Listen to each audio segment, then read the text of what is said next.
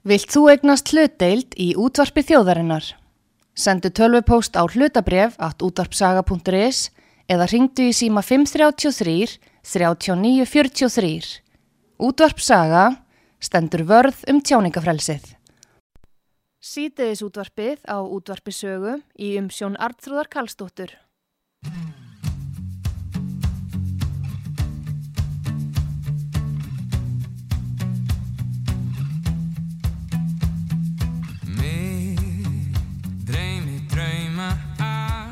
Sem að rætast aldrei hey, Ég óskast einskís nefn á því sem ég langar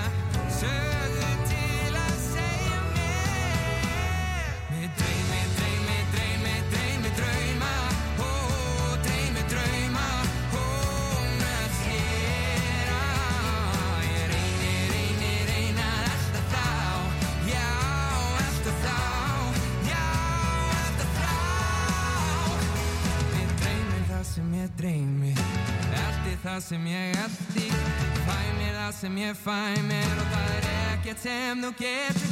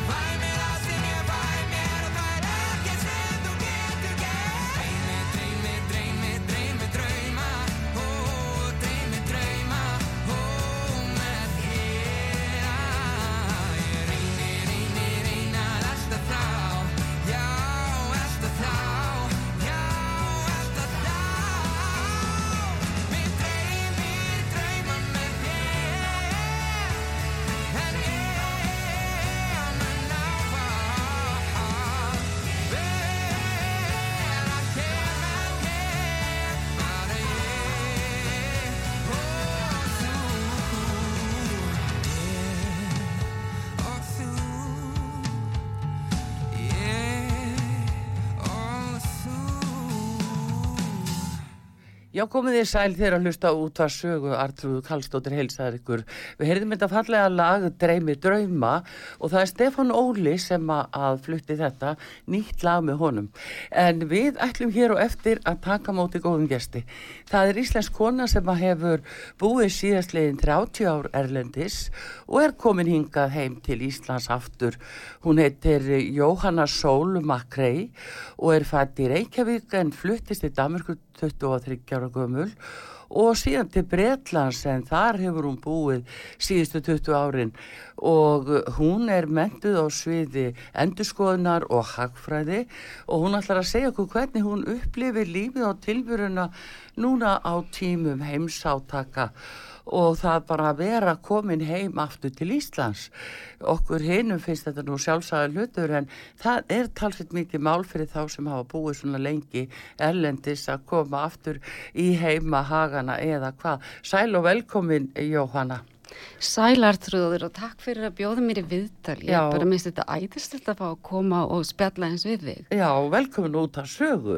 Já. Heyrðu, en þetta, þetta að vera komin heim aftur og komin í heimahagana eftir 30 ár, þetta er helmingur æfinar.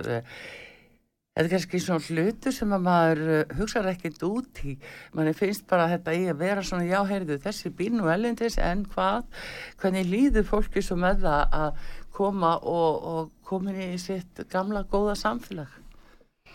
Það er voða sérstakt að vissuleiti þá er það alveg indislegt að því Ísland er alltaf Ísland og, og maður finnur að, að hjartað er í takt við hjartað á Íslandi en maður það samt að, að, að, kynnast aftur landinu vegna þess að landið hefur breyst rosalega mikið. Já. landið er ekki það sama það var þegar ég flutti út. Já, og ég er náttúrulega verið sko kannski ekki síðustu 30 ára erlendis heldur var ég fyrst í, í, í, í nokkur ár í Danmörku, kom svo til Íslands og var í Íslandi í nokkur ár.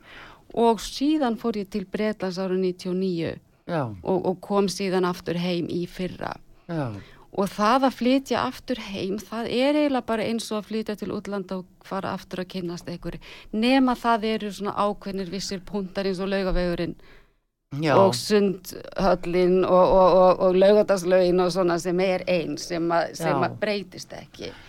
En, en að því að ég er búin að vera tvisasunum úti og, og hérna, ég er tvisasunum búin að flytja heim mm, að þá var ég búin að læra því í fyrsta skipti hvað ég átti ekki að gera og hvernig ég átti ekki að hugsa þegar ég flutti heim í setna skipti. Já, fyrst þegar ég kom heim frá Danmörku sem var árið 1991 já, var þá búin með hagfræðimendunum, endurskoðanamendununa og, og var að byrja, byrjaði í vinnu og endurskoðanaskrifstofu með tvö lítil börn og allt það og maður skilur ekki núna hvernig maður gerði það að það var miklu erfiðara heldur en, heldur en að flytja núna í setnaskiptið já, og, og, og erfiðara fyrir það að, að maður gerði ráð fyrir því allt væri eins þegar maður kemur aftur en það var ekkert allt eins.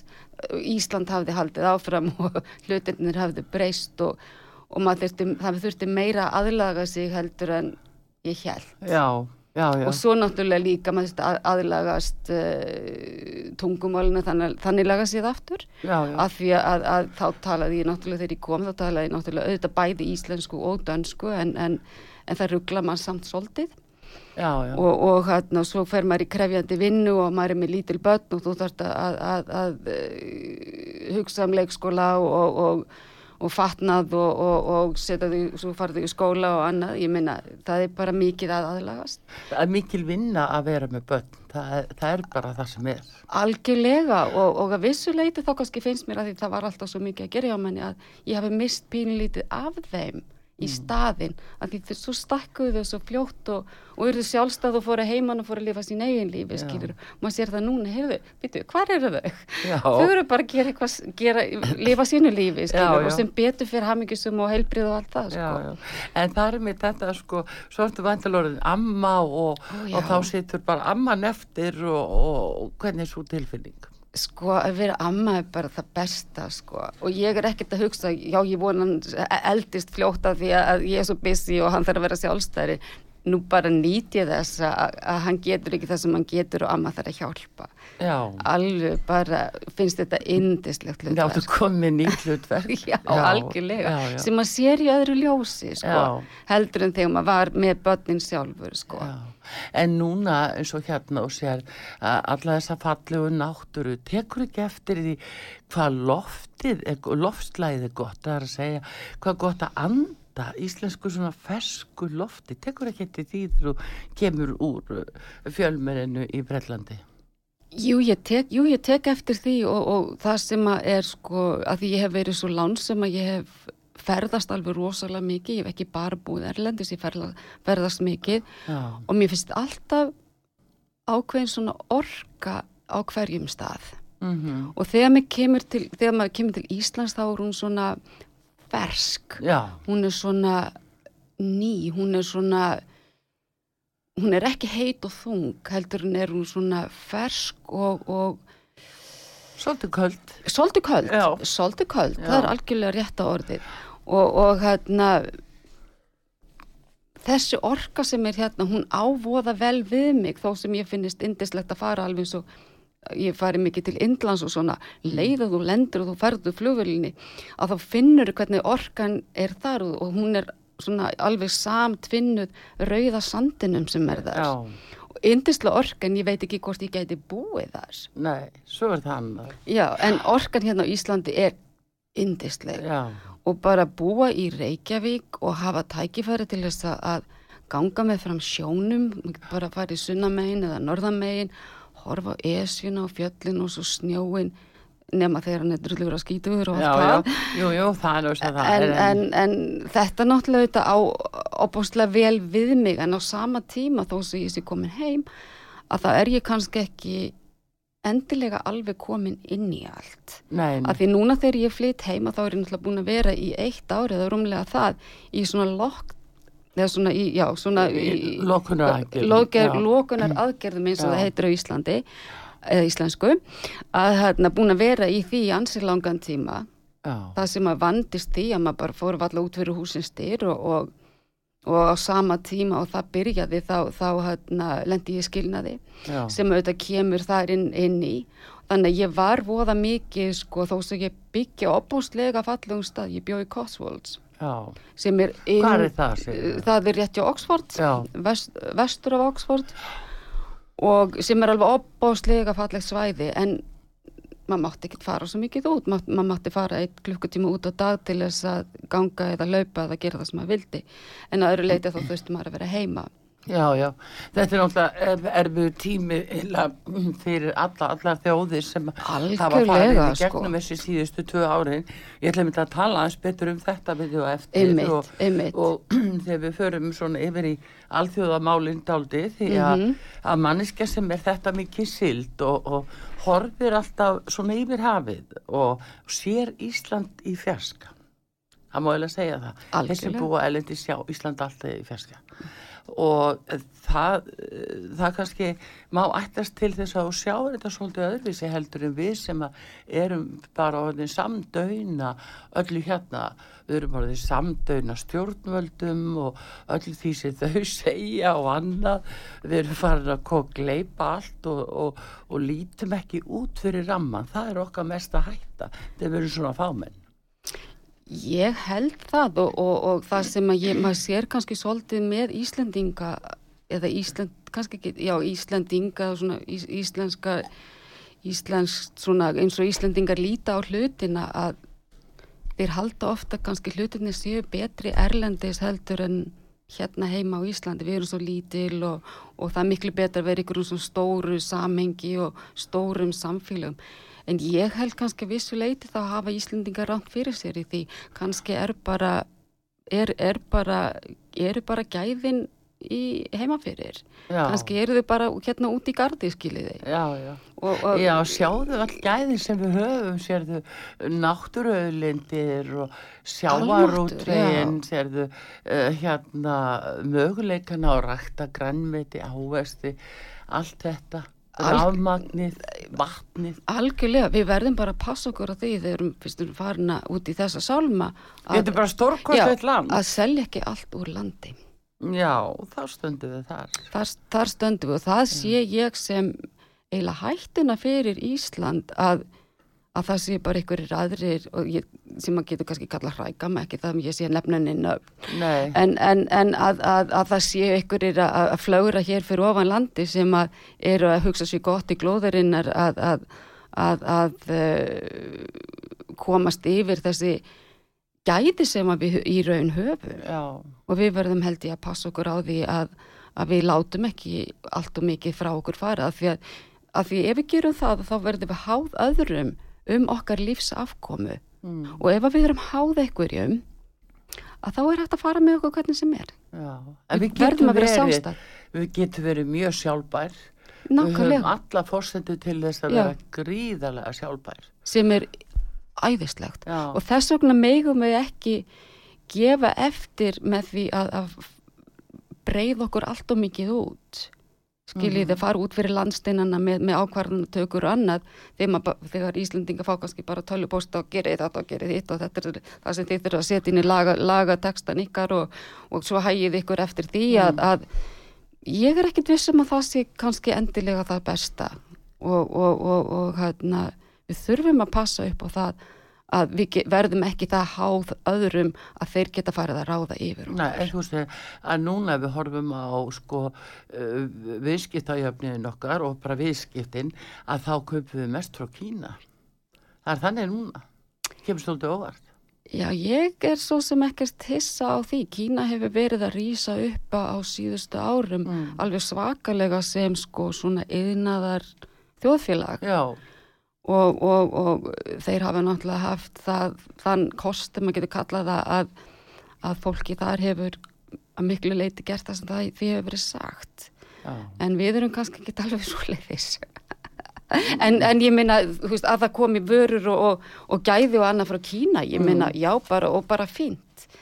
En við þurfum samt að passa okkur á því að við séum ekki háð öðrum þannig að við getum ekki lifað Nei, það er þessi, þetta mikilvægi á framleiðslu hér innanlands og standa vörðum fæðu öryggið. Fæðu Það ekki stóra algjörlega nú núna. 1-10, 1-100, Já. 1-1000 Já, skilur það er það sem við verðum að passa upp á núna og sérstaklega líka þegar verður í raun að fykta við aðeins fæðu öryggið að ef að maður tekur til dæmis dæmi eins og var í, í, í Breitlandi þegar bílstjórarni gátt ekki keirt af því að þurfti að fara í alls konar test og svo komu þeir út jákvæðan eitthvað eftir hvað, hvað gerðist. Og það var ekki, og það var ekki takt að keira vörubílina til að koma vörunum í, í, í búðirna þannig að. Þannig að það er hægt að fykta við hlutina þannig að það er, er hægt að breyta þeim. Og ef einhver vil ráða skilur ná yfir ráðum yfir einhverjum að þá bara ferðu þar sem að þar sem að er best að fara og það er það sem fólk þarf á að halda og getur ekki verið án. Þú getur verið án einhvers þá skiptir engum máli. En ef þú þarft hlutina að, að Já, þá, já. þá er, ef þú fer þar inn að þá er hægt að ná völdum á þannhátt. já. Og þetta, við þurfum að passa þetta hérna. á Já, Íslandi. já. En hvernig svona upplifið þú uh, þegar, eins og þegar þú bjóst í Bretlandi núna uh, síðustu 20 árin að hvernig upplifið þú umræðina um Ísland? Núna á sínu tíma áttu við náttúrulega í þorskastriði við Bretana og hérna og eigum náttúrulega talsett skröðlega sögu í, í samskiptum okkar en þetta er samt eina okkar mikilvægastu viðskiptaþjóðum og þeir farnir út úr ESB og og stundum hefur verið talað um að við myndum gera sérstakka viðskiptarsamninga eins og við breyta og bandaríkjumenn en það hefur nú ekki orðið til fullsneitt en þá en hvernig finnst þið svona breytatnir tala um Ísland? Hver, hvernig, hvað halda þeir að sé með Ísland? Halda þeir að hér búi Eskimóar? Ég meina sumir, Sumir halda það, spyrja hvort þeir á séu Norðurlöndunum. Já, hvort, hvort að hér séu eskimóður og íspyrnir og annað Já, sem að náttúrulega leiðir eftir en í- englendingur eru yfirleitt ekkert að hugsa neitt voða mikið um Íslandi eða Íslendinga bara. En ég verð að viðurkenna eitt að, að þarna þegar ég flytt út og þegar ég var í Danmörk og svona, það var alltaf opaslega stolt að því að vera íslensk. Mér fannst það bara rosalega flott já, og ég var mjög stolt af landinu, mjög, ég var mjög stolt af því hvað við, við höfum geta gerst og, og bara landanum þannig laga séð. Síðan kemur hruni 2008 og ég verða að viðurkenna að það hitt, það bara sko koma mig sem sko svona bara reyðarslag þó svo ég væri ekki nálagt í. Ég var ekki á Íslandi, ég var í Englandi í vernduðu umhverfi og, og, og hérna, en ég fann það bara einhvern veginn svona í sálinni, ég fann sjokkið á Já. Íslandi, ég fann það bara sjálf þó svo ég væri Yfir hafið. Yfir hafið. Ég, ég bara fann að þetta var algjört sjokk fyrir Íslendinga og Mm. eftir það að þá gæti ég ekki alveg átta mig á því hvort ég átti að vera stolt af Íslandi eða ekki? Og mér, mér fannst það svo sorglegt Já. að ég, ég meina hvað hefur breyst? Ég meina Ísland er eins og allt þetta. En það var annað. Það var komin annar svona keimur af Íslandi heldur en var áður. Og maður hugsaði, maður hugsaði sig líka heyrðu, hvernig getur þetta gerst? Og ég náttúrulega er alltaf þeirra skoðunar að ekkert gerist óvart. Þannig að maður hugsaði bara, heyrðu, hvað var í gangi? Hvernig stendur því að það svona var leift með þessa sko áhættu, áhættu, það er tekin alltaf mikil áhætta heldur en að bankarnir gáttu tekið og sem að svo, svo, svo var bara sett yfir á, á aðra eða, eða hvernig, hvernig sem það endaði, ég þekki ekki alveg söguna. Já, það var ekki bindiskild á bönkunum eins og hefði þurft að vera á tímabili en það strax upp á 2006 Já, en akkur var, akkur var það ekki, menn akkur böngunum leift að taka meira áhætta heldur en þeir geta höndlað. Sko, það verður, svona verður, og það er það sem ég segi að, og það sem ég hef verið að hugsa, sko, hérna, með því að þegar ég hef verið lokuð inn í, í, í, í, í, í, í þarna vegna COVID þarna úti, þá hefur maður nægan tíma til að hugsa. En sko, inn í kerfunum eru í raun sveik. Kerfin er ekki heil. Akkur er ekki hægt að búa til heil kerfi?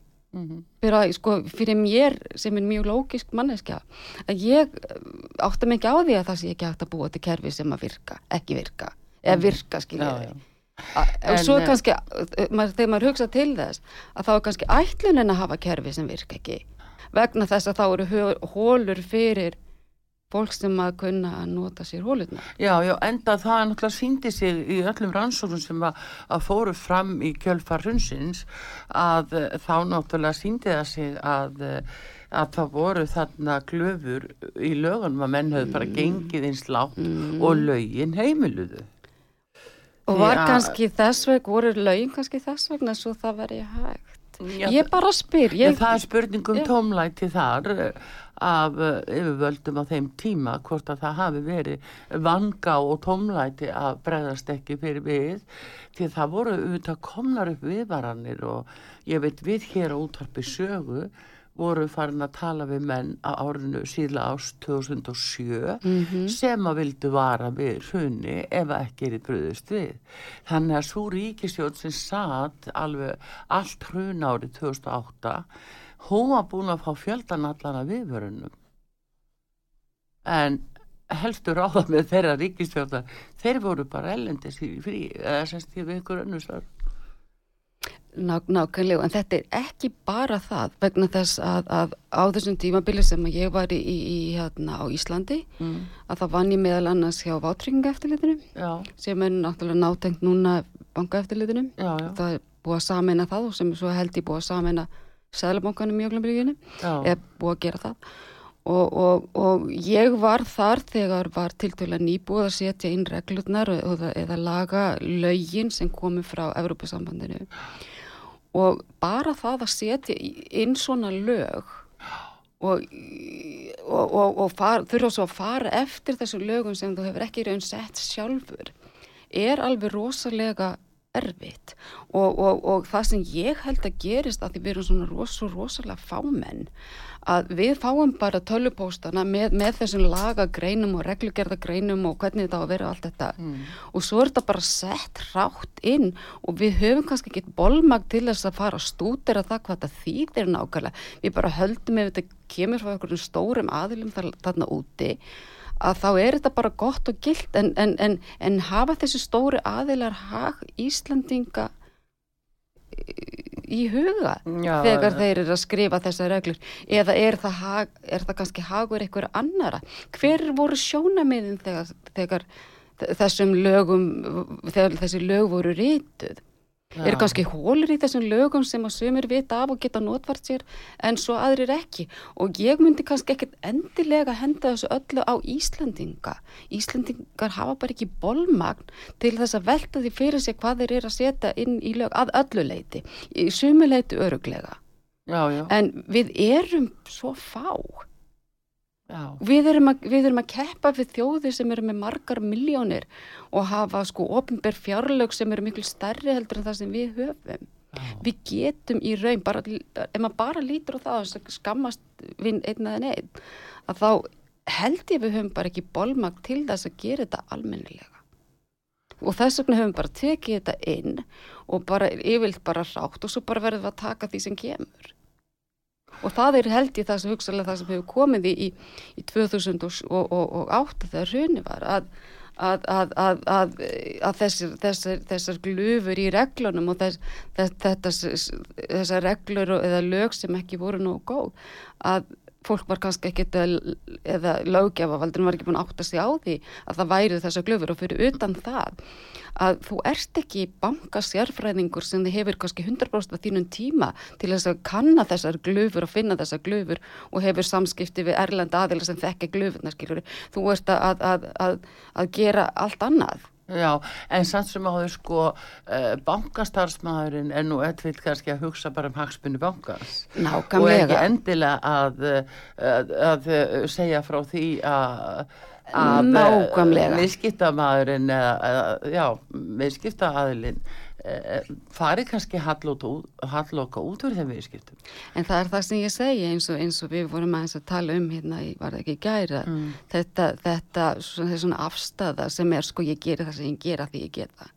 Já, Þegar maður gerir bara það sem maður getur að því það hendar manni sjálfum en maður hugsaður ekkert um afleðingarnar og maður vill ekki sjá afleðingarnar. en samt þessar reglu sem þú ert að tala um Mm. þú ert náttúrulega að vísa í það reglu sem erum bundin af út af EES samningnum og það eru reglugerðir og gerðir sem við þurfum Mm. að innleiða í íslenska landsrétt Já. og hvað sem okkur líka betur eða ver við höfum skrifað undir þetta Það er það sem er málið að, að, Mm. að maður er búin að selja sjálfstæði svolítið ef maður tekur þátt í svona, svona viða miklu samstarfi. Sko ég hef ekkert á múti samstarfi, samstarf bara æðislega á að vera og Mm. við maður geta selt vörur á milli og fólk, fólk á að geta farið á milli. það Já, sko þetta, þetta felur í sig þetta svo kallega fjórfrelsi það sem að er einmitt frjálst Já. flæði fjármaks fjármaks og, Og- og og vöru og- manna og. Já, og það kemur inn á þetta að- í aðdraðanda bankarunsins að það var, við eignust þessa svo kullu útrása vikinga sem munum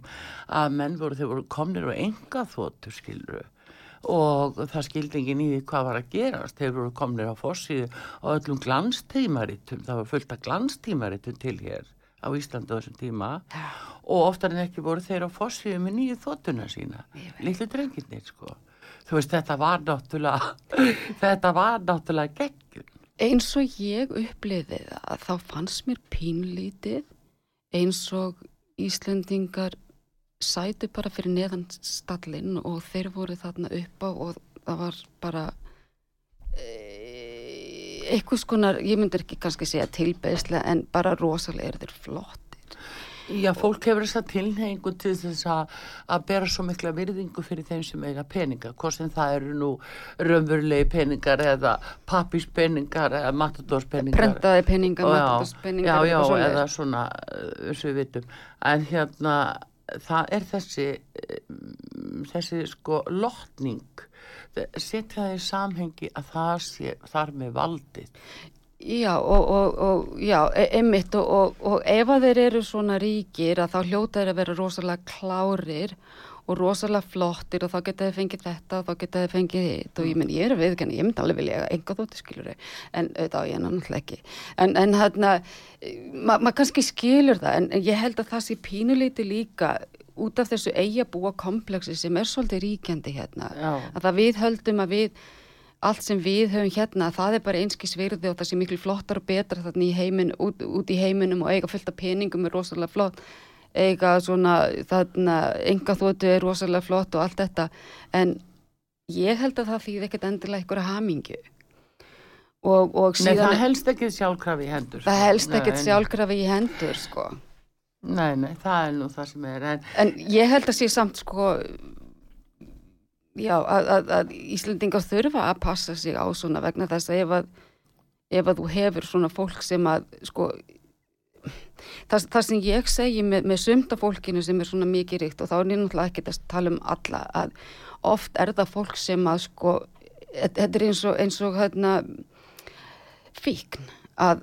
það fær aldrei nóg að peningum það Já. fær aldrei nóg að völdum og það þarf alltaf meira og meira, þetta er svona botlaus hít Já, það er svona einn tegundin sko, en svo sem betur fyrir þetta gleðsmaður yfir því þegar fólki gengur vel og, og bara virkilega Sko- það er uh, sangjant fyrir sitt framlag. Já, og mér finnst það sko að algjörlega frábært ef að fólk hefur góðar hugmyndir það setur á stað fyrirtæki og, og það græði peninga og rosalega sko bara flott og, og verður ríkt og alltaf, mér finnst það bara frábært endilega, bara gera sér mest af því Já, já. En, en þegar ríkidæmið er kannski komið út frá sveikum og prettum að þá er ég ekki eins hrifin að Nei, það er ekki eins sjármærandi. Nei, Nei, nei, Og- og, það, og það, það er sem það við fengum eiginlega að líða fyrir og þjóðin fekk að líða fyrir í sunnu. við sáum þegar- ekki munin á því hverju væru, væru, væru þarna væru með svik, svik og, og pretti og, og svo kannski þeir sem voru algjörlega heiðalegir Já, og svo megum við náttúrulega ekki setja, setja þetta fólk allt í sömu körfuna alls ekki, alls ekki nefnilega. En hérna, Jóhanna, þannig að því að þú ert að horfa á þetta frá Bretlandi og þú veist að lýsa hvernig þú var svo stolt af því að vera Íslendingur og í Danmörku, en svo leiði svona og férst eitthvað skrítið eftir bragð, eftir hrun, að þú varst ekki eins við sem þú væri stolt. Ég að halda áfram að ræða þetta við hérna því við erum að fá auðlýsinga núna hér á útvarpisögu og hjá mig góðu gestur uh, Jóhanna Sól Makrei sem hefur búið elendis meira minni í 30 ár og við erum aðeins að heyra hvernig hún sé lífi og tilvunna núna þegar hún kemur hinga heim í indislega landi sitt og okkar og heyrum betur og eftir hvernig uh, henni finnst staðan vera því að auðvitað eru strís átök í heiminum og margt sem að þrengir að okkur ákveðin tímamóti öllum. Þeir eru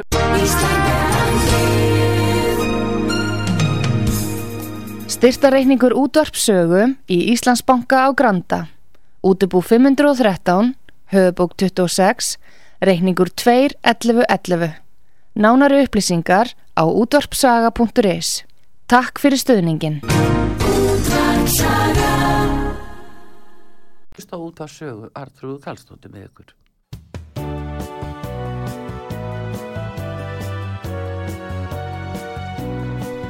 Sýteðis útvarpið á útvarpisögu í umsjón Artrúðar Karlsdóttur.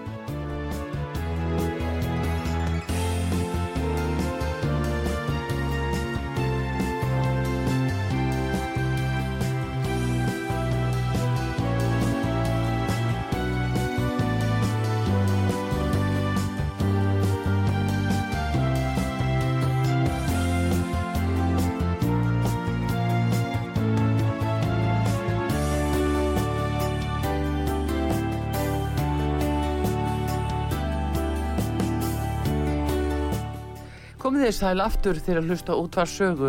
Artrúð Kallstóttir að tala við Jóhannu Sól Makrei sem að hefur búið þátt í 30 ár Erlendis og er nýkomin heim og eh, við erum að heyra hvernig hún horfir á landið okkar og hvar við erum stödd og hvernig hún lesi spilin. Við erum núna bara að dragast inn í heimsátök, Jóhanna. Hvernig sér þú þetta svona, uh, hvernig sérðu Ísland allt í einu uh, vera að fara að flytja vopn með íslenskum flugvelum og við erum farin að taka þátt í stríði óbeint. Eða beint. Ég finn bara að segja fyrir mitt leiti að mér líst bara alls ekkert á það. Mér finnst að Íslanda ekki að vera aðili að stríðsregsti, bara punktur, bara búið.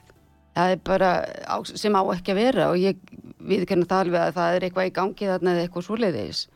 En, en að flytja vopn og annað eh, og taka þátti í stríðsregstri, það finnst mér ekki rétt. Við höfum kannski fyrir ekkar átt að, að beita okkur fyrir því að reyna aðstofa við samningaviðræður eða eitthvað álíka. Já, það eru nú ekki kannski margi sem hafa komið fram á sjónasviði með það fyrir augum, heldur meira flutt vopn og, og við vitum að, vopn þau kalla bara á fleiri dráp. Stríð vinnur ekki stríð, fær, þú fær bara meira því sama. Já, það er nú það sem er. En hérna, uh, bara þetta til dæmis að því við tölum nú um bretana að nú hefur Boris Jónsson uh, fórsættisáð þeirra haft sér mjög í frammi og, og hann ásand bætin bandaríkjafórsætta, þeir hafa verið svona svo óðir stríðsmenn, þeir hafa bara vilja að dæla vopnum satt og stöðugt. Það vakti aðtikli því að Boris Jónsson hekk á bláþræði í sínum stól og uh, fyrir það að hafa blekt uh, bresku þjóðina. Og Bellinis í morgun voru bara að koma fréttir af því að það verða núna um hundra mann sem verða sektar í Bretlandi fyrir að brjóta sóttvarna lög og Boris Jónsson og fleiri voru að halda parti með því loku ykkur allinni Nákvæmlega það var það sem Boris gerði. En, en eins og, og hann ég, skemmti sér sjálfur, hann er kallað Party Boris hann er party Boris algjör, algjörlega, sko, ég er persónulega ekkert sérstaklega sífin af, af, af Boris, mér finnst hann ekki vera sá sem að ég myndi vilja að, að kæmi væri að, að, að, tala og kæmi fram fyrir hönd Bretlands. Mér finnst hann ekki bara þess virði, skiljur. Hann er, hann er, hann er ekki, myndi ég segja ekki persónuleikin sem, að, sem á að vera fulltrúi fyrir þetta flotta land. Nei, en hvernig eru breyta samt að, að taka honum núna eins og uh, segjum bara síðustu tvö árin ef við förum yfir það að frá því að COVID kom þar upp að þá er mér að tala á uh, einum tímapunkti um bresku veiruna skiluru og, og fólk láti trúa því að það, þetta væri allt bráttreppandi Mm uh, hvernig, hvernig upplýðu þú þetta? Uh, með, með, með COVID og, og, og, og, og þetta. hvernig Boris var að stjórna þessu? Vist, þetta var allt svona einhver æsi frétta mennska sem kom fram og allt gekk út á það að hræða líftorna úr fólki og, og gera það hrætt. Og það var nú eiginlega það fyrsta sem ég sá að passaði ekki vegna þess að hræðsla hefur virkilega mikil áhrif á heilsuna og ónæmiskerfið og allt það. Ég meina, mm. akkur þarf að hræða líftorna fólki. Ég meina, það passar ekki að þú vilt að fólk sé heilbrygt og, og Og, og, og það að þá hræðir þú ekki lífturinn úr þeim. Nei. En Bor, hjá Boris var þetta allt alveg opbóstlega mikið sko, þetta, svona æsi dæmi eitthvað og það sem ég tók eftir var að þetta kemur bara svona allt í einu, það er engin aðdraðandi, það er bara frá einu degi til annars þá er þetta bara eins og ákverðin sem er tekin Mm. og svo fer allt af stað og svo, svo er bara sagt, já, heyrðu, það, það þarf að loka landinu hérna og þið með ekki fara út og, og hérna eh, þið þurfum bara að vera inni hjá okkur og þið getur unnið í gegnum internetið og, og, og þetta gegnum netið og, og hérna og ég man það að við máttum fara út í, í klukkutíma á dag já. og ég náttúrulega fór alltaf út í, í minn göngutur, lappaði þarna í einn eða, eða já, í, í sama göngutúrun alltaf sem ég fór en eh, um leið og þetta byrjaði að þá fór af stað mikil vinna í sambandi við að, að, að, að, að sko leggja, leggja internet og, og, og uh, slík vinna út um allt. Þannig að þegar ég fór í göngutur þá gekk maður bara fram hjá stórum vinnuhópum sem voru að leggja alls konar leiðslur og, og annað og, og ég man eftir því að mér fannst það svolítið skrítið af því þetta fólk var ekki með grímur eða, eða eitt eða neitt og var bara þarna saman og, og ég man eftir því stoppaði eitthvað tíma og sagði við þá, heyrðu, hvað er þetta að gera? Hvað er þetta að? Hvað, hvað, er, hvað vinn er hérna í gangi? Og þá söður, við, við, erum, við erum bara að leggja internetlausslur hérna og, og, og, og, og þetta tali mikilvægt. Og þá var það, þetta tali mikilvægt og fyrir mig sem svona konu sem, að, sem alltaf er að hugsa og mikið það að bara, heyrðu, er ekki einhver vírus í gangi sem er að drepa alla? Hvað getur verið mikilvægara heldur en bara að halda sér inni og, og, og, hérna, og, og, og hérna, verið ekki að gera eitthvað annað. En þannig var það, sumt var mikilvægt og það mátti og þá þurftur ekkert að fara eftir reglunum. En svo var annað sem að, þar, svo var aðrir sem þurftu að fara eftir reglunum. Það varð allt einhvern veginn svona rosalega skrítið. Og svo var sko það sagt að, að, að fólk þurfti að, að að, að það var ekki sagt að fólk ætti að gera það en það var lagt til að allir myndi fara út klukkan sjö á kvöldin, standa fyrir framann út yfir hurðina sína og klappa fyrir þarna spítalunum og öllu helbriðstafsfólkinu sem var að hugsa um alla COVID-sjúklingana. Og það fyrir mér var alveg bara, heyrðu, hvað er eiginlega í gangi hérna?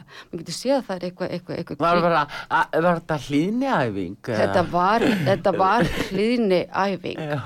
og ég man eftir því að sko að þetta fólk sem gerði var rosalega reitt út í nákvæmna sína sem gerði þetta ekki. Það var líka að koma á svona það, það, Sundrungu. það var verið að reyna að koma sundrung í- á milli manna og það var mjög augljóst og líka það, það sem að ma maður tók eftir að það sem að þeir reynda að gera, það reyndar tókst ekki, var að reyna að fá fólk til þess að kjafta frá ef að nákvæmðin hafði brotið reglurnar. Já. Var verið út eftir kl. 10 á kvöldin eða eitthvað álíka og þá er farið til mömmu og sagt heyrðu, þessi braut reglurnar og, og, og, og svo voru svona númer sem það tringast tringt í en ég held að það hafi ekki gengið. Nei. vegna þess að hvernig- svo breytar eru, englendingar er ekki svo leiðis. Nei, en hvernig er þá svo núna að þeir eru búið að komast upp í mann þessar blekkingar að hann hafi sjálfu verið að djamma og, og sukka skilur meðan hann leti ykkur eh, bæði lókugur inni og klappa fyrir saman út yfir hurðina. Að eh, hvernig svona eh, hvernig bara hafa breyta geta kynnt þessu að, svona þessu söki Sko, sumi náttúrulega voru svo opbóstlega hrættir og það var það sem var náttúrulega gert í, í fjölmjölunum að, að það var hrætt líftórun úr fólki. Og það, það lét stjórnast voða mikið af þeirri hræðslu þannig að það vildi ekki hlusta neitt an, annað en, en það sem stutti hræðs, hræðsluna. Og þá var hægt að segja þeim hvað sem er. En, en, en sko málið er bara það að Boris fekk sjálfur COVID og svo var hann bara heima í viku og svo var það búið og svo fór hann að vinna. Það var aldrei tekið það sem dæmi að, að hann hefði fengið þetta og hann bara kláraði þetta og svo var hann bara, er, var hann bara allt í lægi á eftir. Það var alltaf farið með þetta eins og þetta væri bara að þú fengir þetta þá myndir þú bara deyja. já, já en var það eitthvað sagt að hann hefði fengið það? Það Hver veit veit ég það? ekki, ég Hefur það það, einhverja það, það, það eru náttúrulega heilu deildirnar sem sjáum svona, svona almenna te- tengsl, almanna Já. tengskilur það sem að það er ákveði hvað segi við, hvernig auglýsi við þetta og núna þegar maður er búin að náttúrulega fara í gegnum allt þetta þá veit maður ekki hvað er sagt og hvað er logið Nei. að því að, að það var svo margt sem bara gekk ekki upp. Já, já, það er náttúrulega fólk er að reka auðvitað augun í það að það er líka þessa fréttir að sko eins og var nú vera að, að, að aðtast í fólki hér á Íslandi að já, farið í að setni sprautuna þá verður þá, þá, lagi? já, það búið að verja ykkur Þa, Og hvað gerir svo? En svo bara uh, snar veikist fólk aftur og aftur þannig að, að þannig að fólk fara að sjá þetta í dag að þarna er mjög uh, stór svona stór eyða fyrir sannleikann sko Já og það sem er málið sko að það sem allavega ég sé að það eru endalausar gulrætur sem eru svona flagsa fyrir framann okkur eða dingla fyrir framann okkur og sjá að þið geti fengið gulrætin eða þið gerir það sem ykkur er sagt Já. og svo fer gulrætin alltaf lengra og lengra og lengra og það nærði aldrei gul, gulrætinni Mhm. og svo þartu tíundusbrytan Já, að sjö. eða, sjö, sko. eða hvað. Mm. hvað sem þar eru margar og svo kemur eitthvað annað og það er líka það sem er talað um þessar, hvað, hvað heitir þetta hana, á íslensku þar sem þú færð borgarlaun, er það ekki það sem það er kallað, borgarlaun og já. að, að það verður hugsalega nota þannig líka og talað um, talað um sko ef að þú ert út eftir klukkan tíu, þú máttur ekki vera út eftir klukkan tíu að þá er 30% tekið á borgarlaunin í næsta mánuði eða strax eða hvernig sem það er skilur já. þannig að það er alltaf verið að finna einhverja leiðir til að stjórna fólkinu og, og hérna, eiginlega finnst mér þetta pílundi vera kýmveskar aðferðir, ekki það ég sé að setja út að kýmverja, en þetta er svolítið eins og maður heyrir að er gert þar. Og það er allt gengur út á það að þú, þú eigir að haga þér. Þetta er svona eins og eiginlega ofbeldi sambandum mitt foreldra og batna skiluru að þú gerir það sem þér er sagt eða skiluru og, og barnin náttúrulega getur ekkert flutt út og lifa sín eigin lífi þannig að það verður bara að haga sér. Mm. og, og þetta er pínulítið svoleiðið sem að mér finnst hlutinir vera Já. það sem maður En, sér en núna þegar þú sér þetta í víðara samingi eins og uh, náttúrulega uh, fjölmiðlar, þeir eru nú alveg sérstatt fyrirbæri í Breitlandi og götu fjölmiðlarnir og Mhm. Daily Mail og allt þetta að, að það sem sem við segja nú sko að 90% að sem þar byrti sér lígi en ég er nú ekki að segja það svo sé en, en 89% Já, 89 að, og, og svona það er þess að falsfrétti sem að, að er talað um já, svona í vissu skilningi en er hvar, hvar finnum við mælikvarða? Hvar sérðu falsfréttis og þessa stöðu fjölmila í dag? Þegar þú horfir ymitt yfir hafið, horfir yfir Ísland og ber sama við svo Bretland og, og Meilandi Já, sko, mér, mér finnst þetta orð falsfréttir svolítið svona, ég veit ekki, barnalegt í, í raun og, og hérna, eins og ég séð það, sko, það er bara, eru bara aðilar sem að vil ekki heyra það sem hefur að segja. Og það er bara láttum í friði, ég vil ekki hlusta á þig. Og þá er þetta kallað falsfréttir. Það er þannig sem ég, ég sé það í raun. Og, og, og hérna, það sem er að gerast í Bretlandi þá náttúrulega BBC er náttúrulega aðal, aðal eh, þarna málgagn flokksins, Já. getum kallað það svo og, og, og það er eins og þeir hafi enga rétt á sannleikanum sem er svolítið fyndið sko af því að hv- hvernig getur maður sagt hvað er sann, sko, sannleikurinn er svo sveigjanlegur og þá er ég að, að, að tala um að nálgunin að sannleikanum er svo sveigjanleg. Já, maður getur séð eitthvað og, það lítur út á þennan hátt en það getur kannski verið pínlega öðruvísi já, já. skilur og svo horfum við á allt með okkar eigin glerugum hvað sem er. Og hvernig getur haft á einn fréttamil sem er bara hefur leifi, enga leifi á sannleikanum og svo eru aðrar fréttastöðva sem eru að reyna að komast að þessum sannleika. Kannski ykkur aðrar leiðir eða frá ykkurum öðrum sjónarhóttnum eru að reyna að horfa á söguna eða eitthvað. Að, að það sem þær eru sagðar það er bara kallað falsfréttir.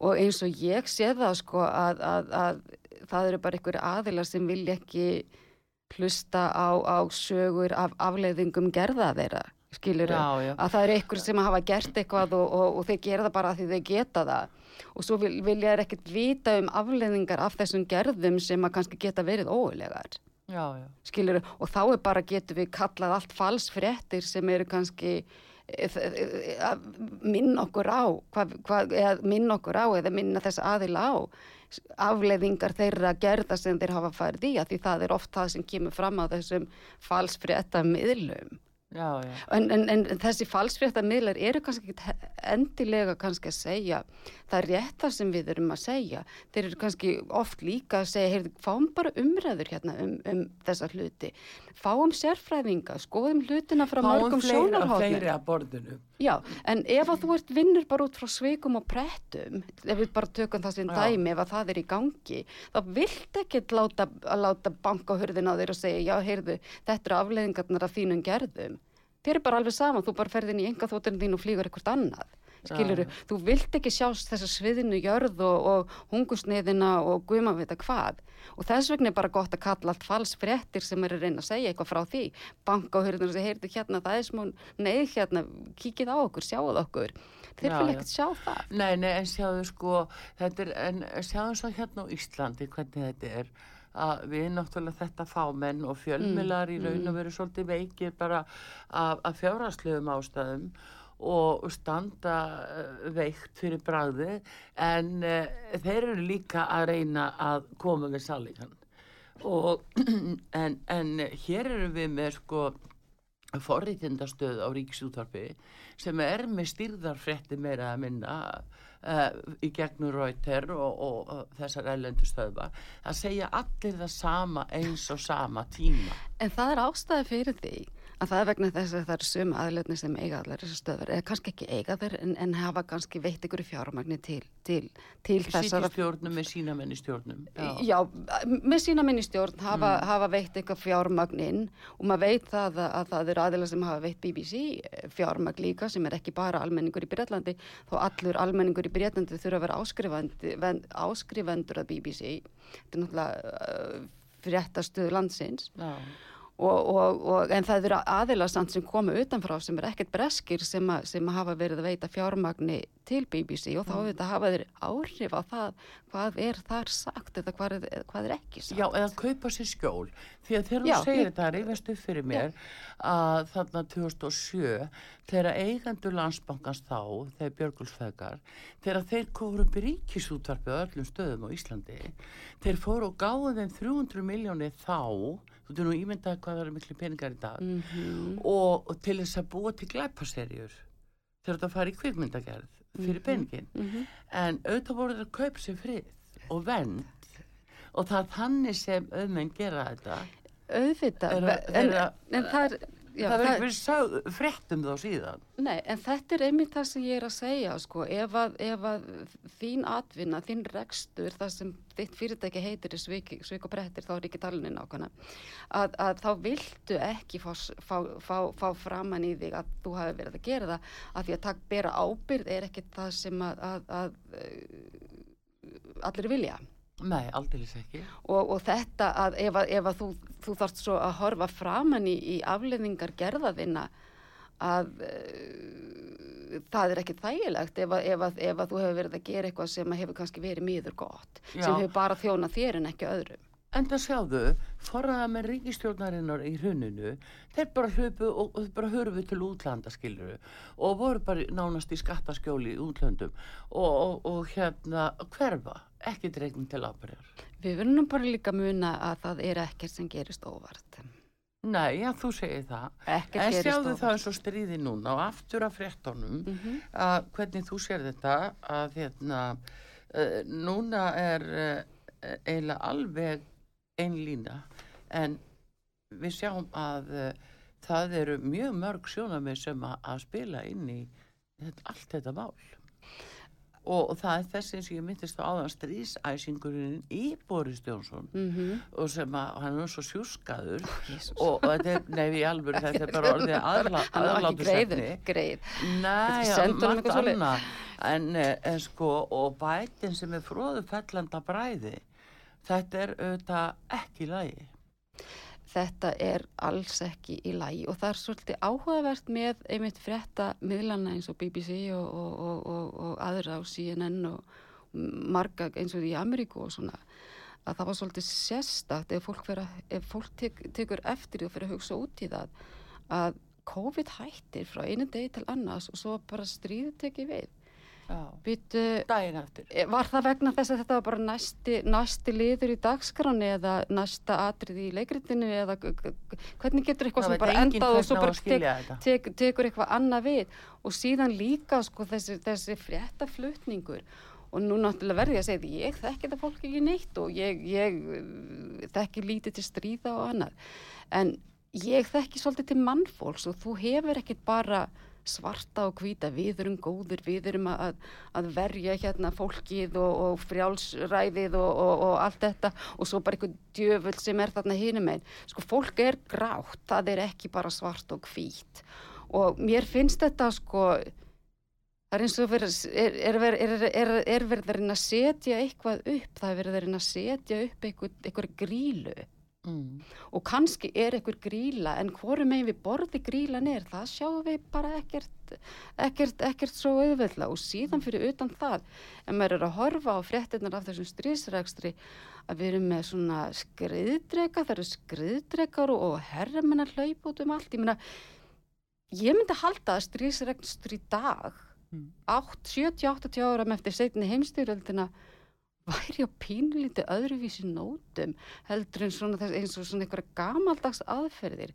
Ekki það ég sé að segja hvernig stríð eiga að vera háðum ég er bara alls ekki fyrir stríð. efnavopnin sko Já, ég minna það er til, það, ég minna, mér, mér finnst allt og svona skrítið við þetta.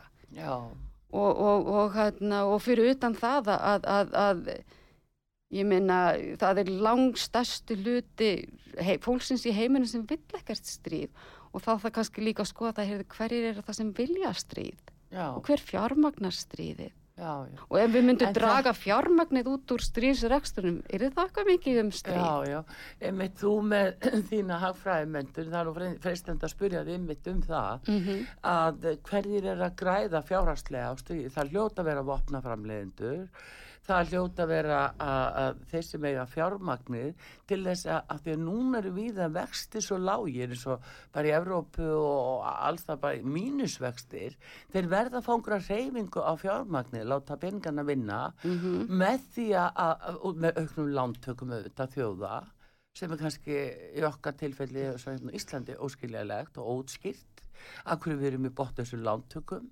Nákvæmlega. og eh, er það til að koma reyfa, reyfing og fjármagn út af opbóðslegum vopnakaupum. Sko, ég get ímynda mér að það að hluta til sé að, að, að, að uh, koma á þarna uh, reyfingu á fjármagn og, og, og arð, arði af fjármagni. Já, en ég held að- markminn séu hugsalega nái aðeins lengra en það vegna þess að ef við horfum á síðustu stríð eftir fyrstu heimstyrjöldina þá var Afríku skipt niður, skipt, skipt upp og eftir setni heimstyrjöldina þá voru náttúrulega löndum í Evrópu breytt uh, og, og landamærum breytt og svona mm. getur verið að menn sé að horfa kannski aðeins lengra fram í tíman og, og, og hugsa um bara hver far hvað eftir þetta stríð. Ég minna, og hvað langt á að taka það, af því það er alltaf eitthvað markmið, það eru einhverju sem vilja stríða, þó svo séu 99,99999 pluss prósent af heiminum sem vill ekki stríð. Það eru einhverju sem vilja stríð, það eru einhverju sem fá eitthvað út úr svona stríðum. Og það er ofta ekki, og ég, ég, ég, alveg, ég veit að það er ekki bara, bara eins og það er sagt í fjölmiðlunum. Og oft held ég að það sem er sagt í fjölmiðlunum að það er meira bara eitthvað svona leikur fyrir okkur. Svo við höldum þetta og við höldum hitt. Og þá, þá, þá finnst okkur að við þurfum endilega að borga og, og standa með og, og, og borga fyrir þetta og annað. En, en oft hef ég nú verið að hugsa um það því mér finnst við vera að drukna í upplýsingaflóði og söguflóði um þetta og hitt og þetta er að gerast og hitt er að gerast og þessi og hinn og allt þetta að kannski þurfum við bara að draga okkur aðeins út úr því og sjá hvað er í gangi sem er raunverulegt. Já. Það sem er raunverulegt er að, er að, að, að ef við höfum bara nálægt okkur, ég meina við erum farin að flytja út vopn, ok, það er raunverulegt. Já. Og það er kannski líka fyrir að byggja okkur um að borga þetta og borga hitt, skilur í gegnum Já. alls konar, al, al, alls konar alþjóðlega samvinnu, það er raunverulegt. Já. segjum, segjum svo bara tökum þessu dæmi, ég er ekkert að segja sér svo leiðis að, að þetta sé bara búið til, þetta sé bara mynd, bara leik, leikrit í fjölmjölunum sem að hefur hálfvegis verið búið, bara, bara sem dæmi bara svona ég er bara að hugsa að þá er kannski ástæðan fyrir því að reyna, reyna merk sjúa löndin af fjármagni og fyrir utan það að það sem maður hefur náttúrulega heyrt líka að það voru komnar upp rættir að, að NATO væri ekkit eins svona mikilvægt í auglefninginu vegna þess að, að það hefði verið svo lítið skemmtilegum stríðum til þess að taka þátt í. Já, já. og kaldastríð eiginlega búið og allt þetta Já, og alltaf til allt, og allt, alltaf til friðs meðan Trump stjórnaði. Þannig að Trump bakaði sér ómældar óvinsældir hjá akkur þessum stóru uh, fjármarsegundum eins og Goldman Sachs og fleirum. Al, algjörlega. Að þau voru trumpandi trilltir yfir honum af því að hann hleftingu stríði á stað. Nei, en, en, en samt ef, ef maður horfi kannski á, á Trump, sko, jú, maður getur séð, hann gæti hafa gert þetta og gæti hafa gert hitt, en hvernig kemst hann í þessu stöða hans að vera einn af þeim? Er hann kannski bara hluti af þessu spili? Já, það er spurning Já, að, að maður þarf, uh, þú veist, uh, það er allt svo sk- tvískipt í, í öllu núna. Það eru góði aðilinn, vondi aðilinn, skiluru, Já. og eins og ég sé, eins og ég sé það þá er þetta bara þetta er bara spil fyrir okkur. Þetta er sko leikrið fyrir okkur til að taka aðtikli okkar frá því hvað er að gerast á bak, bak við tjöldin þegar við erum að horfa á stríði, við erum að horfa á COVID, við erum að horfa á, á Hárða Boris Johnson og fleira skiluru að ég held að sé verið að, að það er verið að stela aðtiklinu okkar, ekki bara verið að stela peningunum okkar í gegnum, gegnum alls konar hólur í regl, já, reglunum já. og kerfið og allt þetta. Það er verið að stela aðtiklinu okkar líka. Aðtiklinu sem við getum verið að nota í eitthvað annað til að búa eitthvað til og, og, og, og skapa eitthvað. En það eru bara sko þjófara hverju er það. til að ná okkur. Já, heyrðu, þetta eiginlega verðum við að láta verða að loka orðin, dóndi merkiri loka orð hjá þér, Jóhanna Sólmak Krei og gaman að fá þig, uh, hérna, amma og mamma og, og lífsreind kona sem hefur búið um, 30 árum er að minna ellendis og, og fyrst vel með uh, og Ég er örglættar að fá því síðar og þegar þú ert búin að lenda betur hér á Íslandi og staðsetja þetta betur en uh, bara gangi þér allt í hægin og velkomin aftur til Íslands og, og takk fyrir þetta indalarspjall. og takk hella fyrir að bjóða mér bara alveg bara heiður að fá að taka þátt Takk fyrir. Artrúð Kallstóttir þakkar ykkur fyrir og tæknum að Daví Jónsson veriði sæl.